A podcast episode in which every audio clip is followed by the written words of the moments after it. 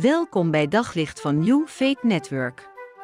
Luister elke dag naar een korte overdenking met inspiratie, bemoediging en wijsheid uit de Bijbel en laat Gods woord jouw hart en gedachten verlichten.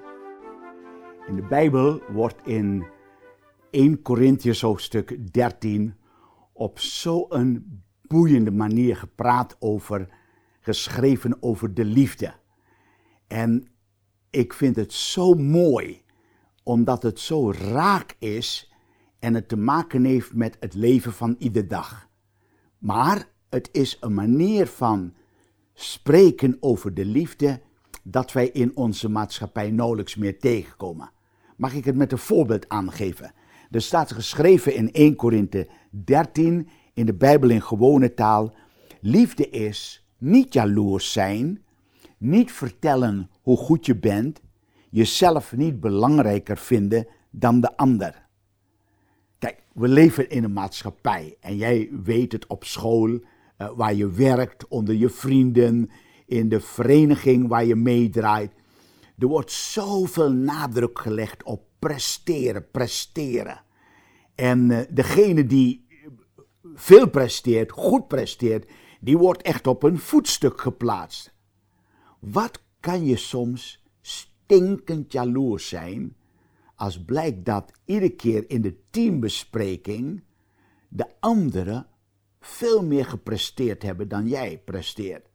Of dat in de klas waar je zit, dat je klasgenoot iedere keer veel betere cijfers haalt dan jij iedere keer weer behaalt en krijgt. Dan kan dat gevoel van jaloersheid, het kan je van binnen soms opvreten. Misschien dat je zelfs hele positieve woorden gebruikt om die anderen te prijzen in het team of je klasgenoten of zeg maar degene met wie je bezig bent te sporten.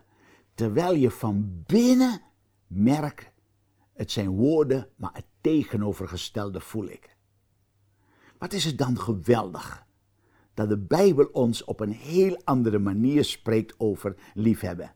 Namelijk dat je in staat wordt gesteld door God die ons daarbij leert zo lief te hebben, dat wanneer een ander beter is dan jij, dat je op een eerlijke, oprechte manier ook van binnenuit leert die andere te bevestigen. Maar ook het omgekeerde, wanneer jij degene bent die uitblinkt, iedere keer veel beter presteert, dat je niet langs je schoenen gaat lopen, maar dat je jezelf blijft. Waarom? Je waarde ligt niet in je prestaties, maar je waarde ligt in wie je bent. En dat is zo mooi, hè? Want dat betekent dat liefhebben, zoals de Bijbel erover praat, betekent dat je jezelf in de eerste plaats ziet in wie je bent, maar ook de ander die minder presteert dan jij en ik, precies zo waardevol vindt.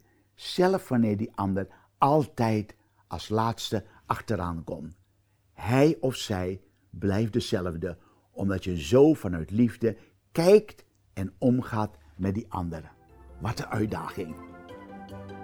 Op zoek naar nog meer geloof, hoop en liefde. Op New Faith Network vind je honderden christelijke films, series en programma's. Nog geen lid? Probeer het 14 dagen gratis op newfaithnetwork.nl.